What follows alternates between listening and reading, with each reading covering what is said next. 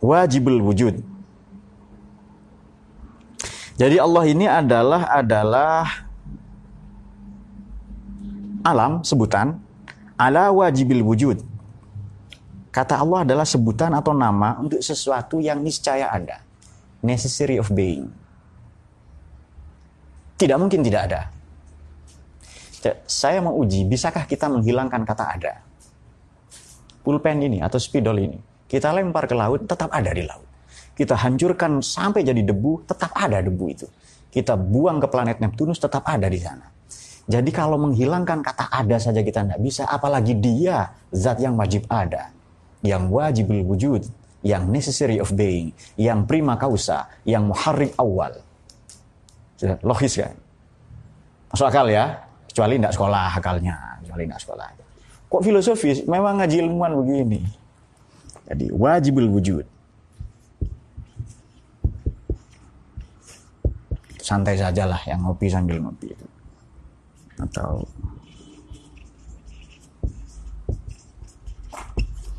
Oke, okay. uh, eh, kalau menghilangkan kata ada saja kita tidak bisa kok. Ini sangat platonik ya pandangan ini kan ya. Yang idenya Plato itu kan ada identik lain, kemudian ada uh, identik lain, apalagi itu uh, kekal apa?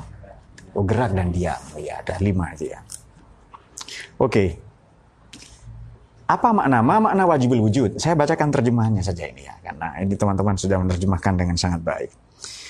Niscaya ada, sesungguhnya adalah eksistensi atau wujud itu terbagi menjadi dua. Pertama, necessary of being, wajibul wujud. Yang kedua, mungkinul wujud. Mungkin ada. Nah, kita tidak wajib. Selain Allah itu tidak wajib. Kita ini mungkin ada. Kenapa? Oleh karena itu kita disebut mewujudat, sesuatu yang diadakan. Kita ini mungkin. Mungkin ada, mungkin tidak ada. Ada karena ada zat yang memungkinkan kita ada. Zat itu disebut wajibul wujud. Ketika Allah memperkenalkan dirinya kepada kita dengan nama Allah, dia menamakan pemahaman bahwa Allah ini dilarang untuk selain dia. Tidak ada Kalau untuk kita ya Abdullah hambanya kan bukan Allah itu berarti itu hambanya Allah pelayannya. Tapi Allah itu satu-satunya nama. Kalau kalau Rauf, Rahim itu juga disebut untuk Nabi Muhammad itu. Misalnya pengasih, kita juga pengasih sebagai pantulan ya, pancaran dari cinta kasih Tuhan itu. Tapi Allah itu semata-mata dia, dia the only one, tidak ada yang lain itu. Sehingga orang mukmin menghargai larangan ini atas dasar keimanan mereka. Sedang bagi orang kafir, durjana, durhaka maupun ateis yang menganggap Allah hanya mitos, ya pada saat yang bersamaan mereka tidak mungkin berani ya menamakan Allah itu. Uh, itu dia. Oleh karena itu wajibul wujud itu hanya pantas disandang untuk dia. Adakah teman-teman pernah mendengar nama Allah selain Allah itu? Tidak ada itu. Tuhan, apakah Tuhan-Tuhan tandingan atau apa? Oke. Okay. Uh, ini menarik ya, ketika Allah ini alif kita buang menjadi lillah. Karena Allah itu. Lalu kalau lam ini kita buang menjadi lahu, miliknya, kepunyaan Allah juga. Kalau lam kita buang lalu tersisa domir, pronoun kata ganti saja hu, dia, maknanya Allah juga itu.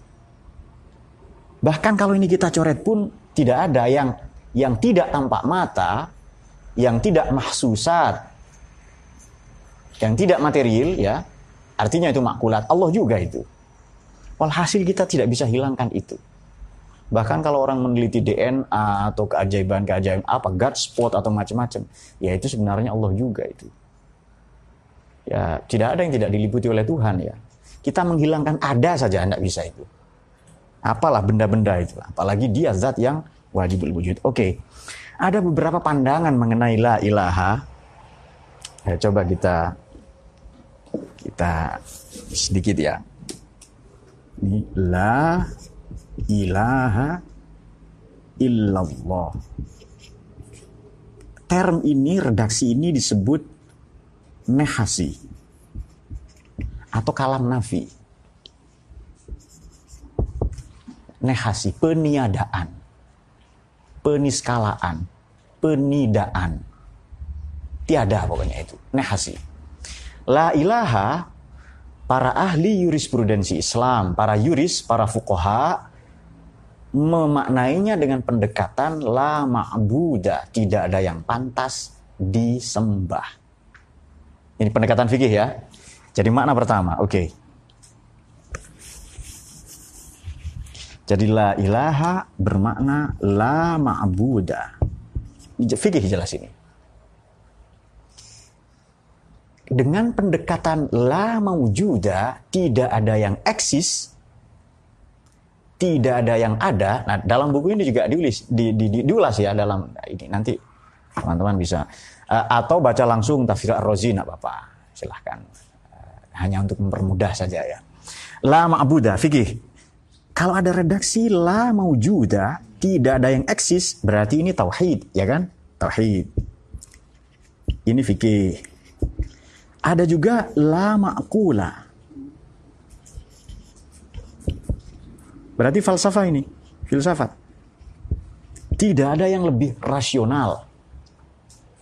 Nanti pada puncaknya la mahbuba. Tidak ada yang pantas dicintai. Tasawuf pasti ini. Tidak ada yang pantas lebih dicintai. Karena ilah itu dari kata alihah maknanya mengabaikan. Kalau sudah fokus ke Allah, abai pada yang lain itu. Kalaupun kita mencintai anak, istri, keluarga, binatang, tanaman, menjaga lingkungan, hifzul bi'ah, itu semua semata-mata karena diperintahkan oleh dia zat yang maha mengadakan kita itu. Mengadakan, memelihara, menyelenggarakan, mengatur, mengilhamkan, memberi wewenang, dan lain-lain. Jadi ini beberapa pendekatan dari kata la ilaha. La ilaha tidak ada yang pantas disembah. Kalau taat boleh ya, taat pada pimpinan, orang tua, guru boleh itu. Tapi menyembah semata-mata kepada Allah itu. Jangan jangan salah itu.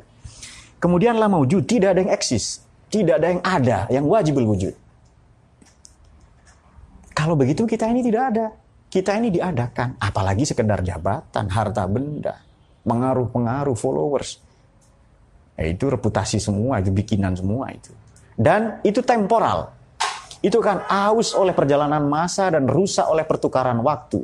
Bahkan persilangan budaya, tergerus oleh arus arus politik, arus sosial, ekonomi, dan lain-lain. Kemudian kalau lama, kul tidak ada yang lebih rasional. Yang yang paling masuk akal. Seperti tadi, wajibul wujud tadi itu. Loh, kok bumi ini ada ya? Orang ateis misalnya mengatakan, oh ini ada dengan sendirinya. Ada dengan sendirinya. Ya, itu pertanyaan itu sangat mudah. Adakah sesuatu yang bisa mengadakan dirinya sendiri atau bisakah sesuatu yang tidak ada menyebabkan adanya sesuatu yang ada? Agak sulit bahasa ini. Pokoknya pahami sendiri, resiko itu begitu itu. Sesuatu yang tidak ada menyebabkan adanya sesuatu yang ada. Tidak bisa itu. Kecuali zat yang wajibul wujud yang pasti ada itu. Kemudian lah mahbub tidak ada yang pantas dicintai maka menyanjung orang. Tidak boleh berlebihan. Kita memuji Allah itu Alhamdulillah, ya kan? Boleh cinta anak istri itu diperintah Allah itu. Mencintai harta benda sebagai sebagai bekal perjalanan kita ke akhirat ya. Tapi jangan mengalahkan kecintaan kita kepada Allah itu. Itu sikap adil itu. Karena kecintaannya kepada Nabi Muhammad SAW sampai-sampai Nabi disembah itu salah besar. Salah besar itu. Nabi itu manusia, utusan, Rasul ya. Penyampai risalah penganjur kesalehan. Tidak wajib kita sembah. Wajib kita taati. Oke, mutlak itu wajib kita taati. Tapi bukan disembah. Bukan dipertuhankan. Nah, ini paham ya? Bahwa ada saudara kita misalnya mempertuhankan Nabi Isa itu urusan mereka. Saya mencintai istri pak sampai poligami itu. Urusan saya, ya urusan mereka memperbanyak anak. Urusan kita memperbaiki kualitas. Kok enak ya pak mereka yang perbanyak kita memperbaiki. Problem urus mereka sendiri. Saya saya tidak melegitimasi itu ya, tidak menganjurkan itu. Tapi ada orang yang karena mencintai istri atau apa dan saya supaya apa umatnya Nabi banyak itu urusan mereka. Ada. Baik. Oke, saya sudah paham ya. La ilaha illallah. Jadi ini nafi illallah isbat. Afirmasi.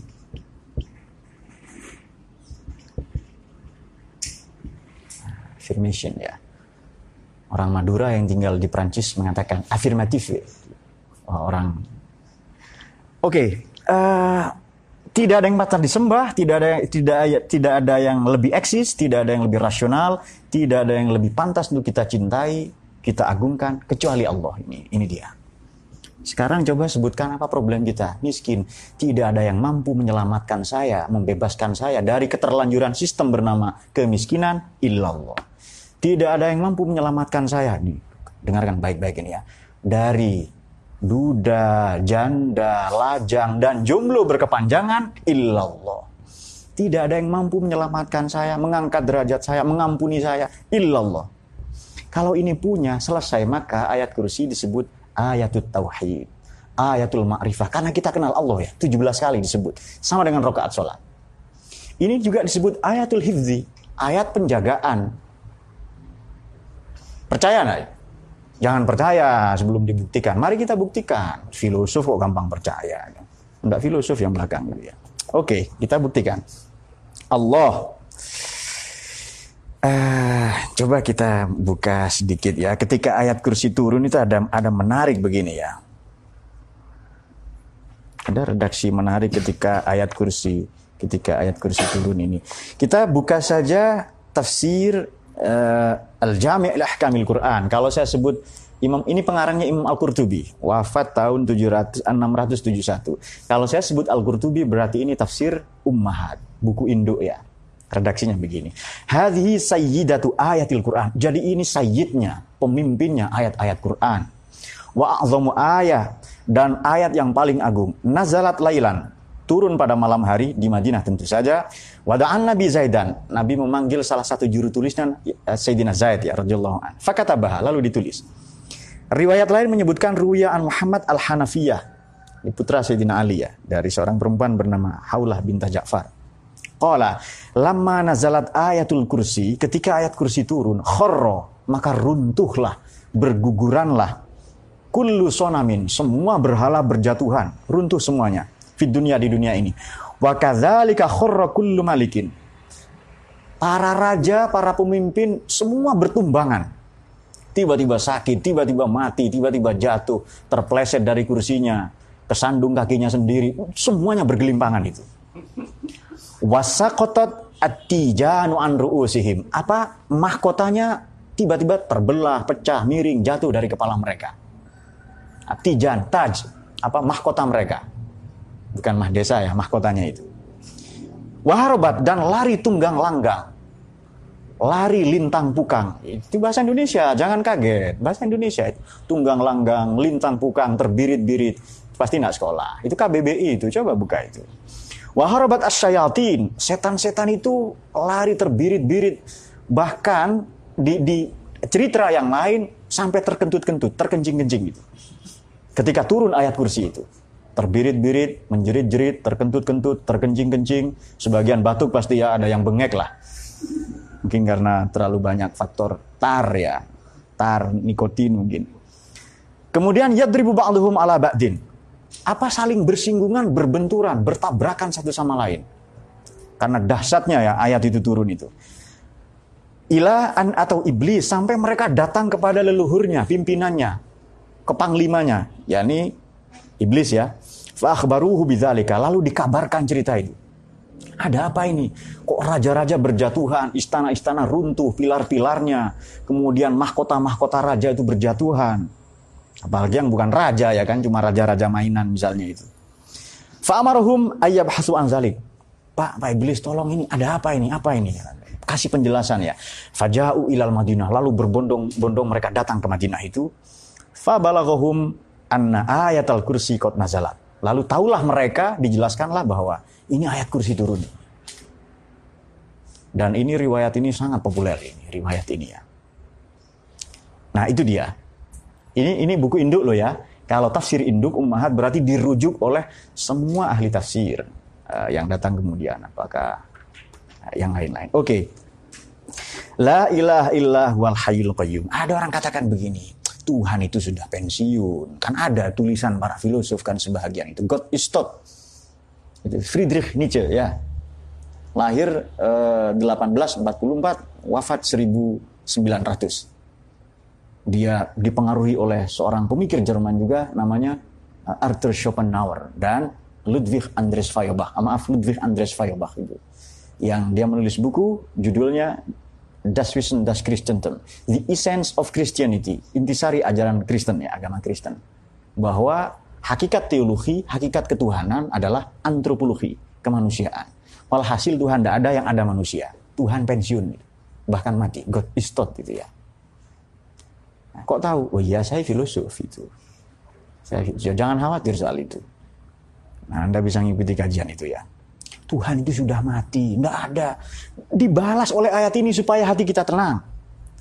La ilaha illahu. Allahu la ilaha illahu. apa sih maknanya? Oke, langsung kita buka ya. An-Nukat wal Uyun Imam Al-Mawardi wafat 450. Kalau saya menyebut Imam Mawardi berarti tafsir ini kumpulan pendapat-pendapat jamul akwal supaya kita kaya akan perspektif ya.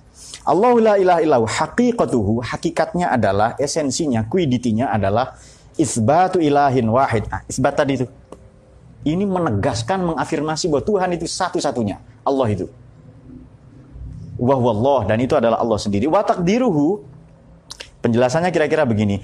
Allahu Allahul ilah duna ghairi. Ya Allah itu Tuhan, bukan yang lain.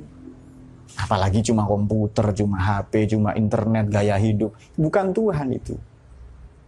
Kan orang ateis itu banyak tidak percaya Tuhan. Agnostik misalnya itu. Mereka tidak percaya Tuhan, tapi mati mereka percaya itu. Kenapa? Buktinya ada. Loh, kalau gitu siapa yang bikin mati? Toh tadinya kita tidak ada, tadinya mati, lalu hidup, lalu mati lagi, lalu hidup lagi itu. Kadang tidak sampai ke sana kan itu. Tuhan itu sebegitu nyata di mana-mana buktinya itu. Tapi kok sulit dipahami? Nah, itu urusan mereka. Uh, kemudian kemudian Tuhan itu tidak ada kok. Tuhan itu mati katanya. Dibalas oleh ayat ini supaya hati kita tenang. Karena tadi ayatul hifzi ya, ayat yang menjaga mental, spiritual, spiritualitas, memberikan ketenangan batin, supaya kita memiliki resonansi kehidupan, eh, supaya kita memiliki dinamika hidup yang tenang, kalau fokus bekerja, fokus ibadah. Pertanyaan begini, bisakah Anda membangun rumah di tanah yang goncang? Tidak bisa. Bisakah Anda punya hidup yang tenang kalau hati Anda bergemuruh, bergejolak, berkecamuk, pikiran Anda tidak tenang, galau?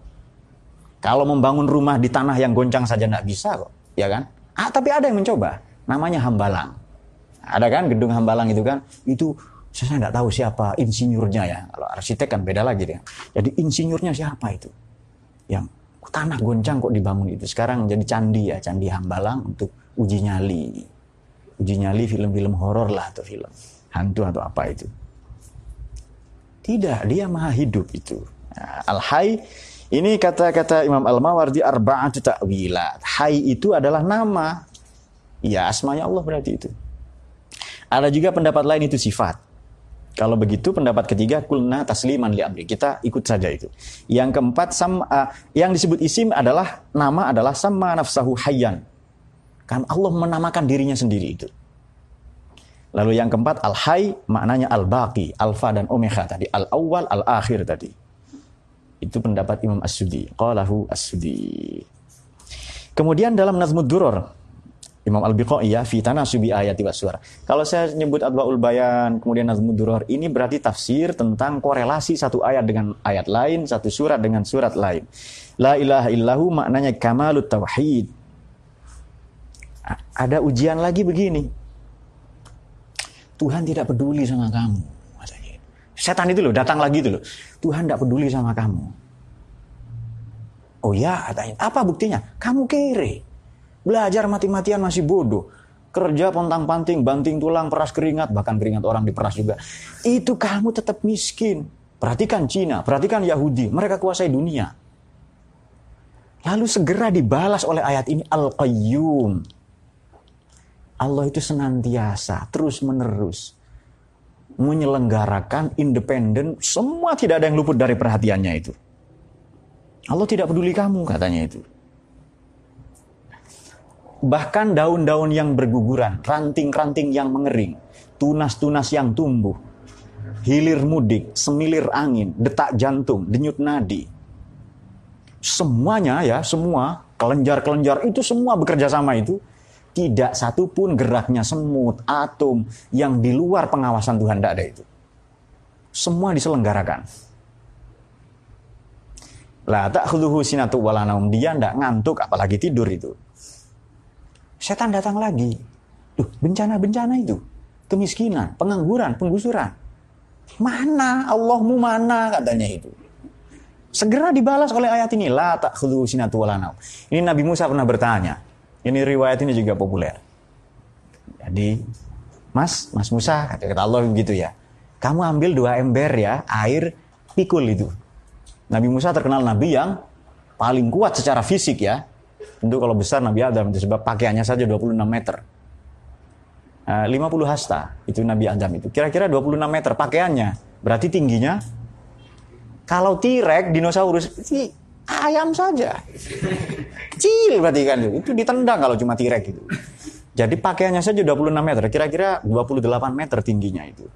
Karena menyesuaikan bumi ya orang-orang besar itu. Anda jangan bayangkan yang lain loh ya, ya pokoknya tinggi itu. Sempurna ciptaan Allah itu nabi yang mulia itu. Tidak usah aneh-aneh mikirnya itu. Allahumma sholli ala sayyidina Muhammad itu. Sebab ada di antara kalian ngaji masih sempat jorok mikirnya itu. Baca ini la ilaha illallah itu ayat kursi supaya hilang. Ada kualifikasi setan yang lain untuk kalian. Berarti itu. Kita tadinya kan nggak ngerti. Inilah keajaiban Quran ya. Jadi Quran itu dibaca oleh orang yang ngerti dan yang nggak ngerti. Bahkan bacaan yang paling fasih itu kadang orang-orang yang nggak paham Quran. Musabakoh tilawatil Quran itu loh dari RT sampai internasional rata-rata yang menang yang nggak paham Quran. Yang suaranya enak-enak itu.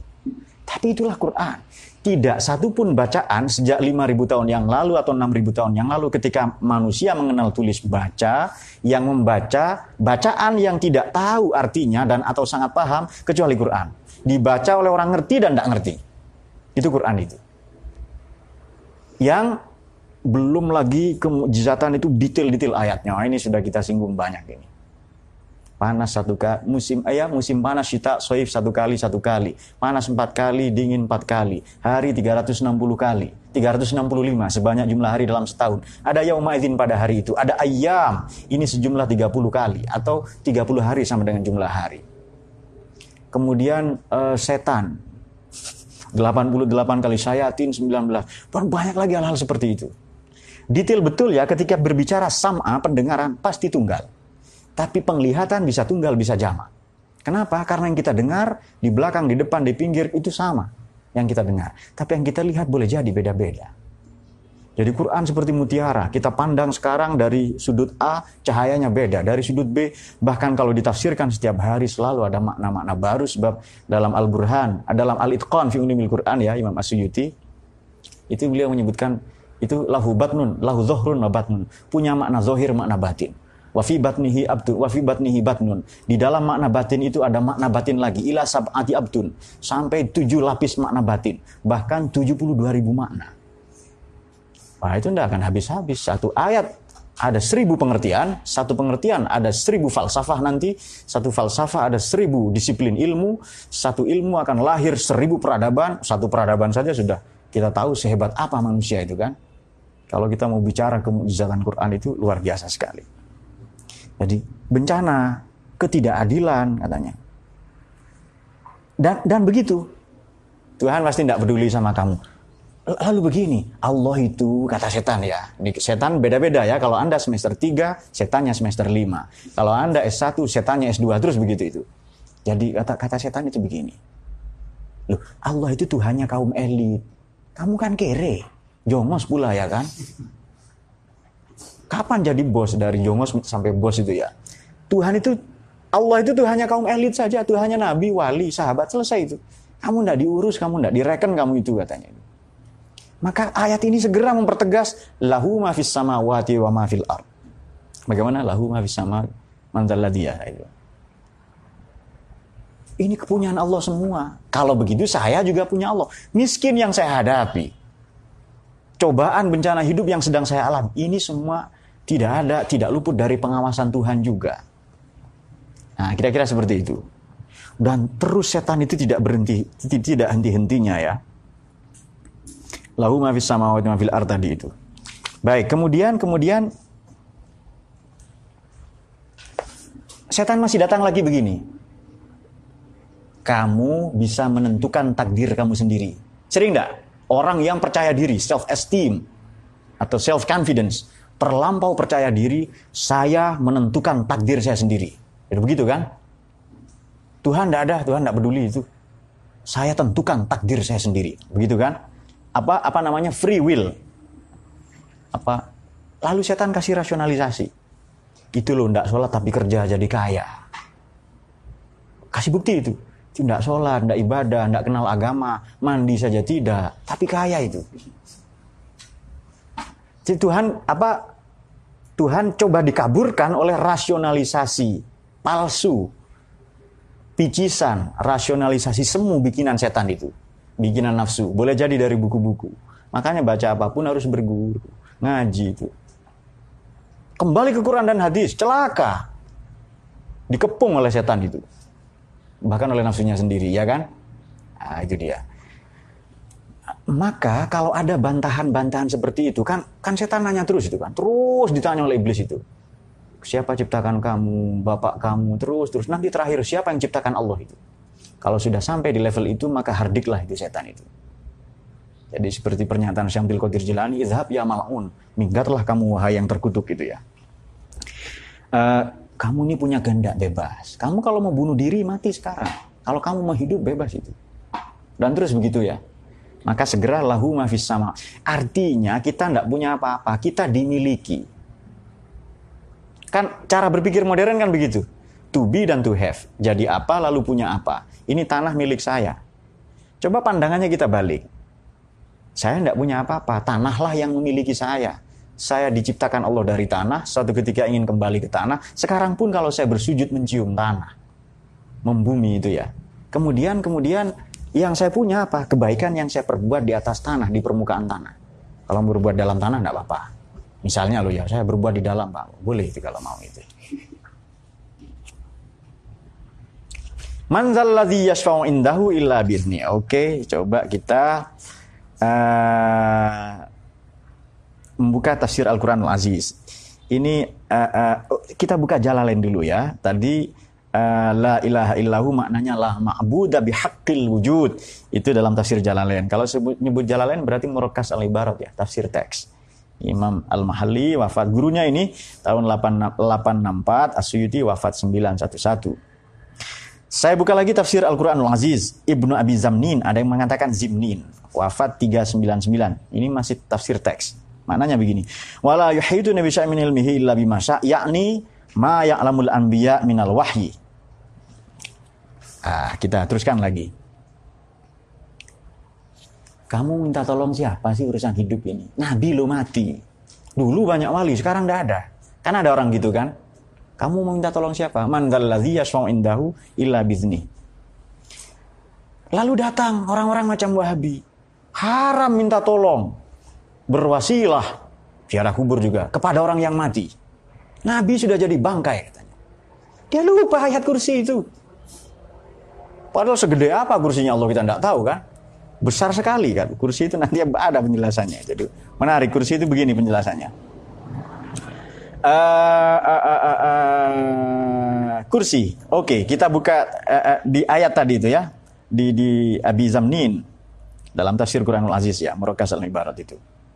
Qala Yahya anil Mu'alla bin Hilal an Ammar ad-Duhni an Sa'id bin Jubair an Ibn Abbas radhiyallahu anhum semua itu. Innal kursi, kursi itu apa sih? Sebesar apa? Allazi wasi'as samawati wal ard, yang melampaui luasnya langit dan bumi. Kita tidak tahu ya, langit itu besar sekali, kita tidak tahu itu. Sebesar apa langit itu? Lama udi'ul, lama udi'ul qadamain. Kursi ini kan baru tempat untuk dua kaki saja, ya kan? Wala ya'lamu qadral arsy illa allazi khalaqahu. Tidak ada yang tahu luasnya kursi aras kecuali Allah yang menciptakan itu. Kecuali zat yang maha menciptakan kursi aras itu. Tidak ada yang tahu itu. Uh, kalau begitu sangat kecil, nah, kecil kita ya. Jadi lisensi syafaat itu ada pada para nabi, terutama nabi kita yang kita kenal dengan syafaatul uzma, pertolongan yang agung. Oke. Okay. Kemudian uh, uh, illa bimasya, kecuali dia yang dikehendaki oleh Allah ya. Wasi'ah kursi tadi kuasa Tuhan itu tidak terbatas. Tapi setan itu mengatakan begini, Setan apa Tuhan terbatas kok? Akal kamu nggak terbatas itu katanya. Coba saja kamu kerja kreatif macam-macam. Segera dibantah oleh ayat ini. Begitu mentok akal manusia itu berbuat tidak bisa apa-apa kan filosofinya seperti sholat kan. Sholat itu kan berdiri. berdiri kan 180 derajat, akal di atas. Lalu gerakan kedua ruku, itu akal dan hati setara 90 derajat. Lalu gerakan ketiga sujud 45 derajat, dua kali itu. Akal, mohon maaf bahkan pantat kita lebih tinggi dari kepala kita. Orang butuh KTP, butuh apa untuk paspor, untuk pernikahan, wajahnya atau dengkulnya? Jawab. Itu mencium tanah, betapa rendahnya kita. Bahkan mohon maaf pantat kita, dubur kita lebih tinggi daripada wajah kita yang kita muliakan dipoles-poles, dibedakin sampai operasi plastik dan kresek ke Korea sana, ya kan? Kan banyak kan sekarang operasi plastik, kresek ya. Kresek itu kan limbah kan itu. Operasi ya. Nah, sebagian teman menyatakan palastek katanya itu. Terus setan datang lagi begini. Tuhan sudah capek ngurusin kamu. Sibuk. Kalau nggak percaya baca surat Rahmah. Ya kan? Bagaimana itu? Allah itu sibuk setiap hari. Bagaimana itu? Ayatnya itu. Kullayaumin huwa fi Tuhan itu capek. Segera kalau kita punya pikiran seperti itu di ayat kursi dibantah. Wala ya'uduhu. Tuhan tidak pernah capek ngurusin itu semua. Ngantuk saja enggak, apalagi capek ya kan. Kan ngantuk akibat dari capek itu. Tidak merasa berat. Wa huwal azim. Mana sih 17 tadi? 17 17 teks, kata, domir, kata ganti yang menunjukkan Allah. Kita hitung saja. Allah, satu. La ilaha illahu, tidak ada Tuhan selain dia. Dua. Lalu Al-Hay, tiga. Maha hidup. Al-Qayyum, maha mengatur, menyelenggarakan independen. Maha mengurus semuanya. La ta'khuduhu, tidak ada yang mempengaruhinya, menyebabkannya. Dia, kepada dia. Ngantuk, apalagi tidur, ya kan? Sudah lima. Kemudian lahu, miliknya lah. Enam sama doa tadi itu. Man zalladhi, siapa yang mampu memberikan pertolongan syafaat indahu di sisi dia? Illa illa biizni, kecuali atas izinnya. Delapan. Ya'lamu, dia maha mengetahui dan terus-terus mengetahui. Sembilan. Ma baina aydihim wa khalfahum wala yuhituna bi ilmihi dari ilmi Allah itu. Mereka tidak tahu sedikit pun dari ilmunya Allah itu. Sebelas. Illa bimasya kecuali terhadap apa yang Allah kehendaki. 12. Wasnya kursiyu, kursinya melampaui. 12, ah, 13. Wala ya'uduhu, dia tidak ada yang membuat dia capek. Dia Allah juga. Wahua, lagi-lagi Allah. 15. Al-Ali, Al-Azim, 16, 17. Maka ini disebut ayat yang agung. Kata, kosa katanya 50, nama, isim, kata ganti, juga domir yang kembali kepada Allah 17. Tadi kan 50 itu rokaat sholat pertama lalu diganti 17 itu ya. Wahwal aliyul azim kita buka Bahrul Ulum satu tafsir lagi As-Samarqandi ya Wafat 373 ini tafsir kalau saya nyebut Imam Samarqandi berarti tafsir amah general. Wahwal aliyul azim ay ar-rafi' ta'ala fawqa melampaui di atasnya. Al-azim yakni a'la wa min ayat takhidha syarikan. Allah itu maha suci untuk mengambil sekutu kalau presiden mempekerjakan semua kan ya menteri, terus di bawah menteri itu gubernur, wali kota. Presiden itu tidak tahu yang dikerjakan wali kota. Apalagi RT tidak tahu itu. Tapi kalau Allah semua, semuanya itu. Bahkan begini, ah, Nabi bersabda ya, masih di, di buku yang sama, Wawal Aliyul Azim ini di Bahrul Ulum ya Samarkandi ada hadis yang dikutip begini. Man qara'a ayat al-kursi, barang siapa membaca ayat kursi khalfa kulli salatin, setiap selesai salat, a'tahullah taala salat syakirin. Allah menghadiahkan nilai sholatnya itu dinilai sebagai orang uh, sholatnya orang-orang yang ahli pandai bersyukur wa sholatal muti'in dan sholatnya orang-orang yang taat wa sholatas sobirin dan salatnya orang-orang yang sabar layam nauhum dukhulal jannah tidak ada yang menghalangi dia untuk masuk surga itu sampai mati dia rawahu all riwayat semua hadis riwayat all ya Ya maksudnya all itu Bukhari, Muslim, Turmudi, Nasai, Ibnu Majah, Daruqutni, Ahmad, Abu Dawud, Ad-Dailami, Al-Hakim, semuanya. Meskipun redaksi berbeda-beda. Nah, ada cerita soal hifdi itu begini. Kan naum tadi sembilan kali belum disebut ya. Naim, manam, naum, jumud, sukun, harokah di makoi itu. An Abi Hurairah, satu hadis lagi sebelum nanti ada tanya jawab. Wakalani Rasulullah, ini dari Abi Hurairah radhiyallahu an. Nabi mewakilkan saya, sallallahu alaihi wasallam, bihifdi zakat, bihifdi zakat di Ramadan. Saya ditugasi Nabi untuk menjaga zakat. Zakat Ramadan ini. Banyak ya macam-macam, ada yang kurma, ada yang gandum, ada macam-macam lah ya namanya zakat itu Ramadan. Fataniatin faja'ala uh, faja'ala yasum am. Ada orang yang datang. Tahu-tahu mengambil. Eh kamu kok ambil? Loh, saya berhak dapat zakat, saya miskin katanya. Oh ya sudah itu ya. besok ada yang ambil lagi. Oh, tunggu dulu. Lalu kata kata siapa? Uh, uh, uh, ya.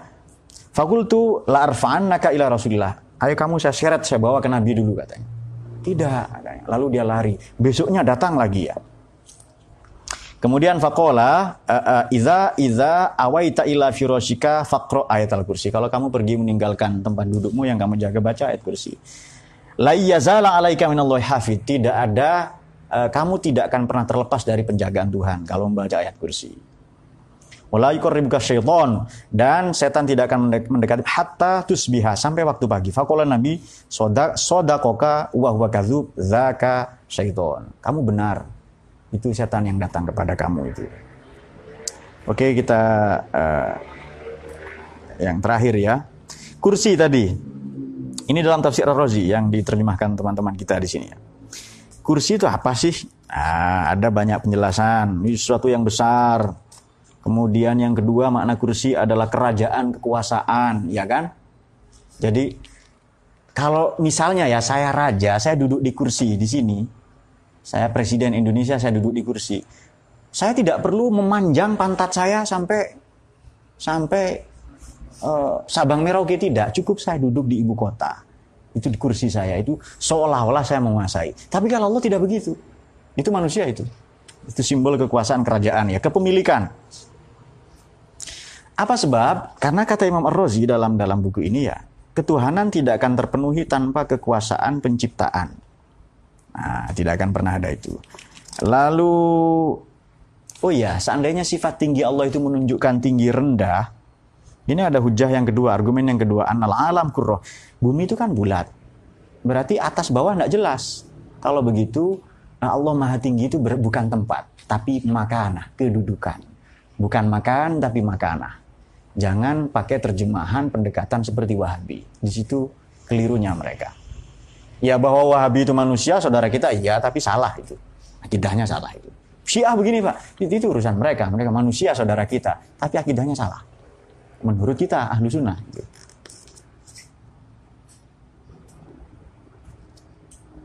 Nah, penyifatan itu juga esensial ya dari apa yang mungkin demikian. Mari kita coba menjawab pertanyaan-pertanyaan kalau ada ya. Itu keistimewaan ayat kursi tadi banyak sekali ya. Nah tadi hadis yang saya baca itu Rawahul Bukhari, Imam Bukhari wafat 265 Hijriah, hadis yang ke 3275. Nanti teman-teman bisa melacak. Karena hadis itu uh, Soheh, Soheh Bukhari.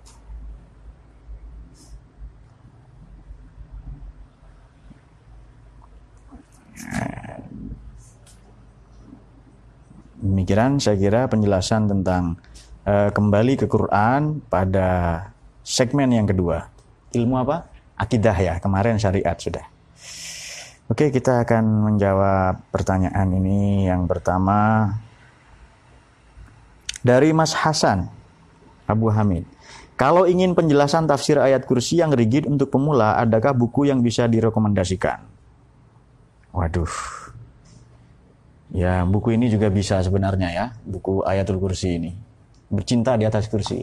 Tapi yang lebih penting sebenarnya uh, tafsir Jalalain. Jadi begini uh, untuk penanya ya yang saya hormati ini. Kalau membaca tafsir pertama kali saya sarankan tafsir teks. Tafsir teks berarti murokkaz al ibarat. Kenapa tafsir teks? Karena kita paham makna Quran. Jadi untuk paham Quran itu ada kamus, kamus Quran loh ya. Nanti ada ulumul Quran Al-Luba fi ulumil kitab Ibnu Adil itu. Al-Burhan, Al-Itqon itu itu itu ilmu-ilmunya, disiplin pendukungnya. Uh, atau kalau mau paham Quran sebenarnya ngaji di pondok itu. Belajar fikih, belajar tauhid, belajar tasawuf, belajar akhlak itu kembali ke Quran itu. Jadi konsisten dengan kembali ke Quran maknanya ngaji. Cuma kalau mau paham ayat kursi, pertama tafsir teks Jalalain bagus itu. Kalau mau lebih luas tafsir induk. Atau yang tafsir induk ummahat ya seperti At-Tabari, Al-Qurtubi atau Ibni Katsir. Kalau mau tafsir yang lebih luas, itu tafsir yang ensiklopedis yang mencakup semuanya, akidah, hukum, filsafat, semuanya itu disebut tafsir ensiklopedis, mausu'ah. Salah satunya Imam Ar-Razi. Uh, buku ini juga menceritakan, uh, ini khusus ayat kursi ya, pandangan Imam Ar-Razi yang diterjemahkan teman-teman. Nah itu silahkan untuk penanya tadi ya. Jadi kita mulai dari tafsir teks. Itu baru nanti bisa Anda. Uh, kemudian dari Mas Muhammad Nidomul. Bila ayat kursi adalah sayyidu ayatil Quran, maka bagaimana korelasi dengan surat Al-Fatihah yang menjadi umul Quran? Nah, ini pertanyaannya sudah. Maaf, pertanyaannya salah. Ayat kursi kan ayat, Fatihah itu su, surat. Ayat dengan surat beda enggak itu? Beda. Tapi pertanyaan ini saya apresiasi. Bagus pertanyaan ini. Sayangnya salah pertanyaannya. Karena ayat, kursi ayat kan? Ya. Bukan teriak-teriak baca ayat untuk dapat kursi, gubernur presiden bukan. Tapi kalau Fatihah surat. Ada 25 nama surat Fatihah. Itu suratul asas. Itu surat Fatihah suratul asas juga itu. Suratul rukyah macam-macam itu umul kitab. Nah, jadi beda surat dengan ayat. Ini pasti anak soleh ini yang baru belajar Quran. Penanya yang lain izin bertanya sebenarnya asal kata Allah itu dari bahasa apa? Saya pernah dengar bahwa Allah itu bukan dari bahasa Arab. Mohon penjelasannya.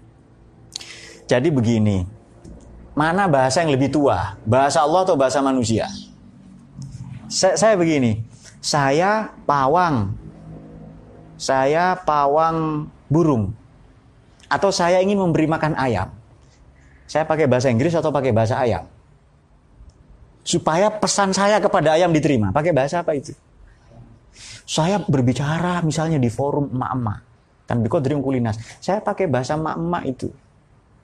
Tidak, tidak, saya tidak mungkin adalah keliru kalau saya pakai standar bahasa saya. Jadi Allah itu apa? Nama yang disebutkan Allah sendiri. Bahasa apa? Muasal segala bahasa.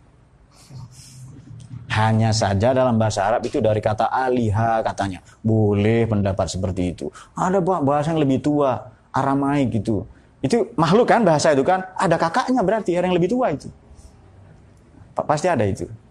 Nah, hanya saja itu bahasa apa? Allah menyebut dirinya sendiri. Ya, bahasanya Allah itu saja. Nah, Allah Allah. Bagaimana itu? Kalau kamu uh, berdoa ya sebutlah uh, Rahman dan dan seterusnya. Itu saja ya. Baik ini tiga, tiga pertanyaan yang bergizi ini yang berkualitas kepada Muhammad Nidomul tadi uh, ini juga pertanyaan yang luar biasa ya. ya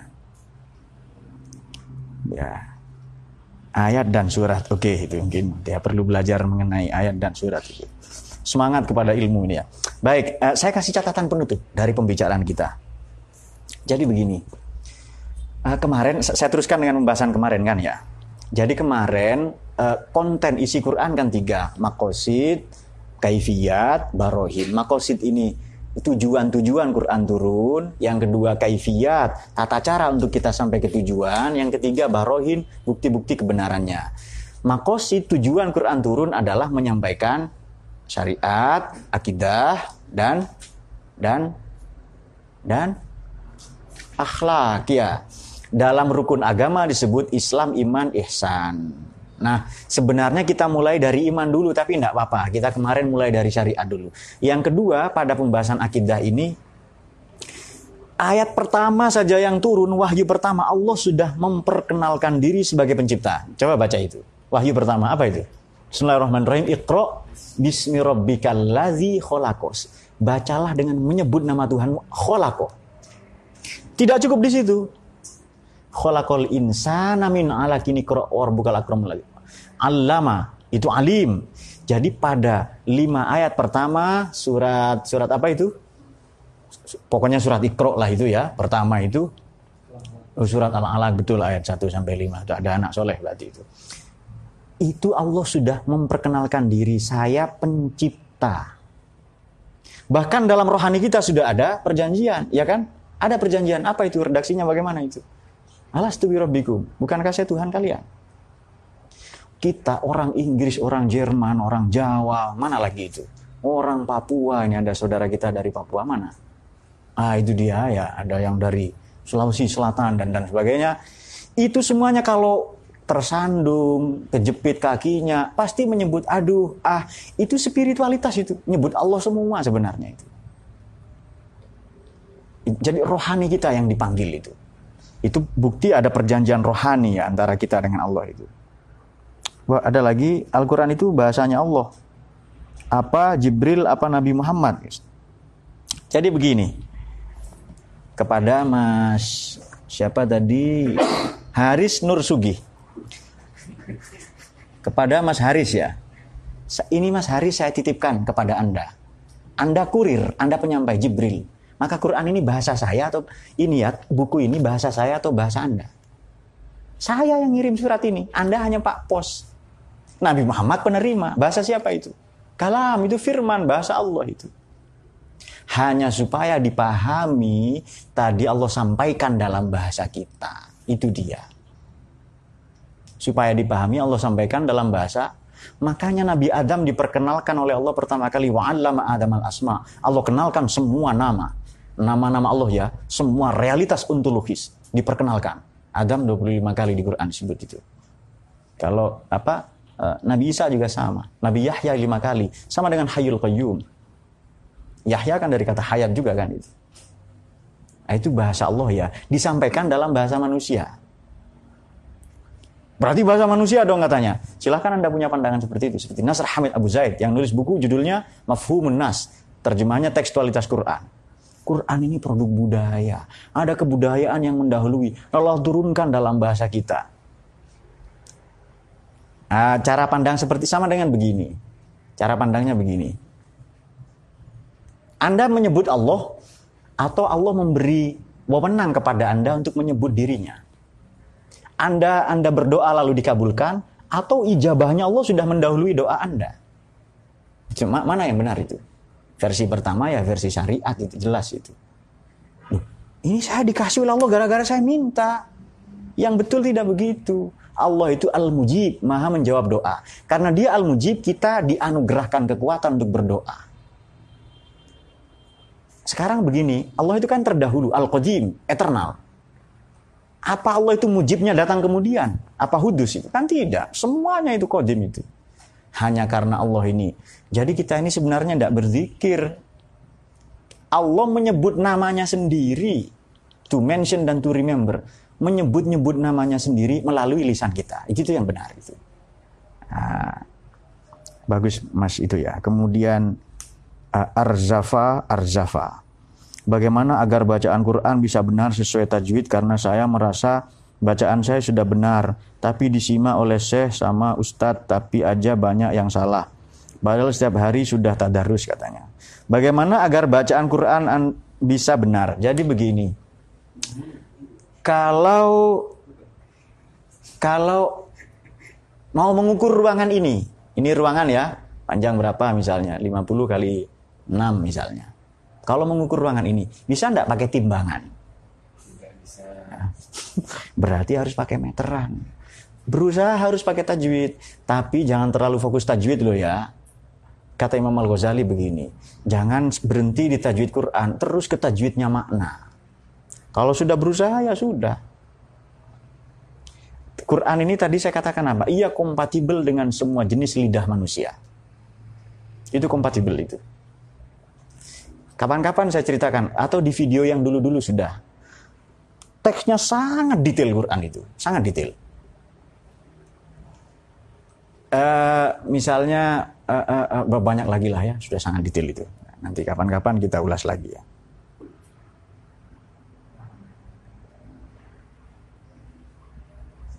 Nah, setiap hari tadarus. Jadi begini, Mbak, membaca Quran niatnya harus belajar. Kalau belajar tidak ada salah tetap diampuni. Itu yang penting niatnya belajar. Quran ini makdubatullah, hidangan dari Allah itu hadis Nabi. Namanya hidangan. Ya saya kan kecil, Pak. Perut saya kecil. Saya makan setengah piring. Iya. Kita sudah diundang loh ya untuk datang ke prasmanan itu. Kita sudah diundang semua, datang sudah itu, datang semuanya. Ada orang yang menikmati ini tidak enak, pedes katanya itu. Karena ketemu dengan ayat-ayat tentang marah itu. Ini kok tidak enak ini. Ketemu dengan ayat-ayat perang. Padahal ada ayat Musa lima ayat tentang damai, tidak hanya Musa Hifah ya. Ada orang yang sangat husuk memahami itu sampai-sampai ditepuk temannya atau mertuanya lewat, dia nggak tahu itu. Saking nikmatnya baca Quran. Nah, itu ada beberapa level ya. Makanya kemarin kita singgung, Quran itu ada ibarat, teks, diksi. Ada yang isyarat, indiksi. Ada yang latoif, Quran itu software. Ada yang hakoik, substansi. Nilai-nilai. Nah, ini ini beberapa ini uh, uh, ungkapan siapa Imam Ali Zainal Abidin ya. Uh, masih ada lagi Abdul Aziz Muhammad. Bagaimana pendapat Anda tentang pendapat Nasr Hamid Abu Zaid tadi? Itu sepertinya menarik. Sudah saya kemukakan pendapat saya. Salah dia. Mengapa? Menganggap Quran al-muntaj, as-saqafi, produk budaya. Bukan itu firman Allah itu. Dia minggat, diusir ya dari Mesir, dicabut ke warga negaranya, pergi ke Belanda. Nah, ya memang dia uh, ahli kebudayaan macam-macam itu. Nah silakan anda nanti bisa baca itu. Jadi begini orang, kenapa sih orang bisa salah baca Quran itu? Memahami Quran kenapa bisa salah? Karena nomor satu dia tidak paham kemujizatan Quran. Dia tidak punya dia tidak punya pengetahuan. Adakah? Adakah? Jadi kan Quran itu hudan linnas, betul ya? Hudan itu di Quran dalam banyak kali tapi 17 bentuk, ada 17 makna. Ada ada al-itqan, ada ada di buku al-itqan itu ada. Atau uh, ringkasan dari Syed Muhammad Alawi Al-Maliki Zubdatul Itqan fi Ulumil Quran itu juga disebutkan. Saya saya persingkat saja begini. Hudan linnas. Hudan maknanya petunjuk. Ini patron dari kata ini bermakna dulu Quran ini petunjuk bagi orang jadul, zaman sekarang dan zaman yang akan datang. Itu patron kata hudan. Ia tak lapuk oleh zaman, tak lekang oleh waktu. Tidak aus oleh pertukaran masa dan pergeseran nilai-nilai kebudayaan. Itu kata Hudan itu, patronnya tiga. Jangan-jangan petunjuk orang jadul saja loh ya, saya pakai sains. Tidak, tidak. Jadi di Hudan itu begitu, Hudan Linnas. Dan Quran menantang, satu-satunya kitab suci ya yang menantang. Ayo kamu kalau bisa, in kuntum fi raibim mimma nazalna 'ala abdina fa'tu bi suratin bi suratin min mithli. Wa da'u syuhada'akum, ayo kamu kumpul ilmuwan sedunia. Pendukungnya semua datang itu. Bikin satu surat saja. Bahkan surat paling pendek, surat Al-Kautsar, ya kan?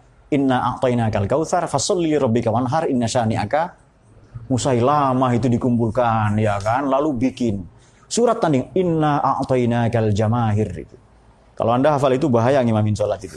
Inna kal jamahir. Fasolli li rabbika wahajir. Wala tudi'kulla sahirin wa kafir itu. Ada juga ayat tandingannya Musailamah ini dibayar ya oleh orang-orang kaya. Abu Jahal, Abu Lahab, siapa lagi? Uh, Walid bin Al-Mughirah itu ya. Suhail dan lain-lain itu.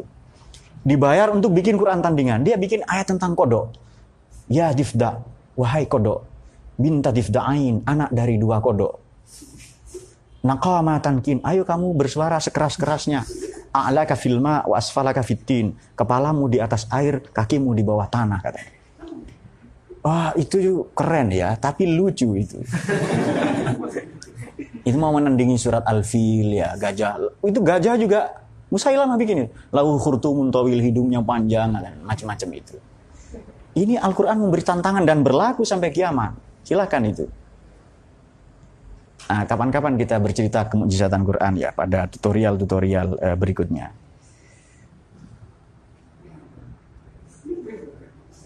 Masih ada lagi ya? Uh, gimana maaf pustaka Syamila validitasnya untuk referensi kajian Quran? Uh, referensi kajian Quran pustaka yang betulan saja. Karena nanti banyak tahrif ya, inhiraf, banyak penyelewengan, pengurangan oleh oknum-oknum yang tidak bertanggung jawab. Caranya bagaimana Pak? Nanya saja ke ulama, itu gampang itu. Tapi kalau tidak ada lagi ya sudahlah ya download PDF ya, tidak apa-apa itu. Ya sebenarnya cara yang paling gampang ikut ngaji seperti kita ini di sini. NU online itu keren lah sudah itu. Saya dari Palembang, saya percaya Allah, namun di sisi lain hati saya ragu kepada Allah Kenapa Allah tega dan saya merasa terlalu berat untuk ujian saya? Saya sudah berusaha memperbaiki sholat saya, saya sudah belajar wirid, namun kenapa hati saya masih nyesek di hati? Hatinya nyesek di hati, melenceng dari tema.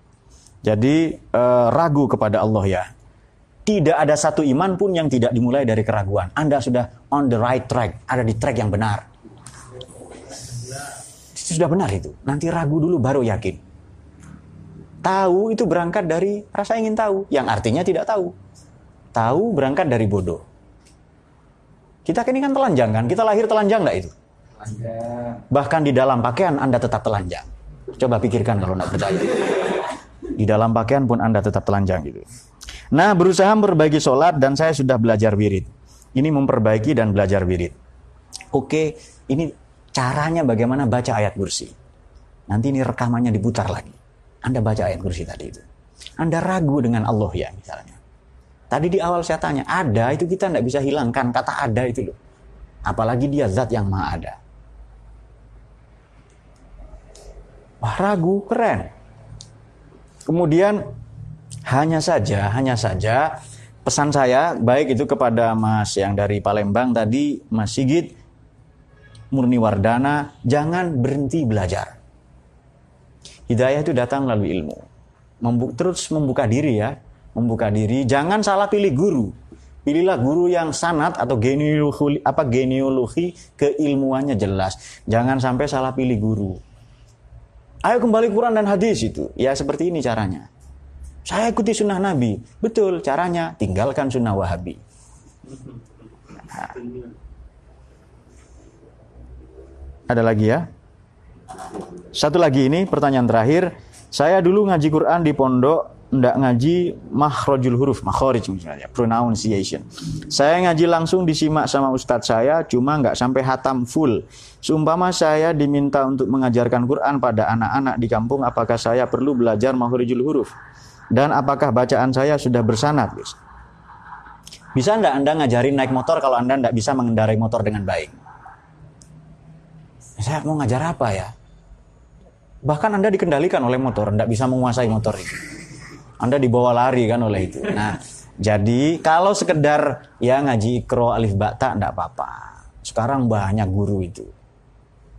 Guru yang bersanat itu apa sih? Tidak harus detail nama-namanya siapa seperti kita tidak harus ya. Tapi datanglah ke guru ngaji ustadz-ustadz di kampung banyak itu. Yang baik. Itu pasti bisa. Tidak ada orang yang fasih mengucapkan dot selain Nabi Muhammad. Dot itu sulit sekali. Mau mulut Anda sampai kuping atau sampai belakang tidak bisa fasih itu. Dan yang penting berusaha, yang penting berusaha. Ada orang tidak bisa mengatakan ro ya kan? Jadi ngomong ro itu ra misalnya. Atau za itu ya. Ada orang mengatakan itu, tidak apa-apa. Yang penting dia berusaha. Nah, cuma kalau mengajar karena Anda mau sampaikan firman, wahyu, kalamullah ini, Anda harus hati-hati Artinya belajar dulu yang baik baru mengajar. Tapi kalau mengajari anak, misalnya alif bakta, ya enggak apa-apa. Guru ngaji banyak lah itu. Nah, uh, tidak usah buru-buru.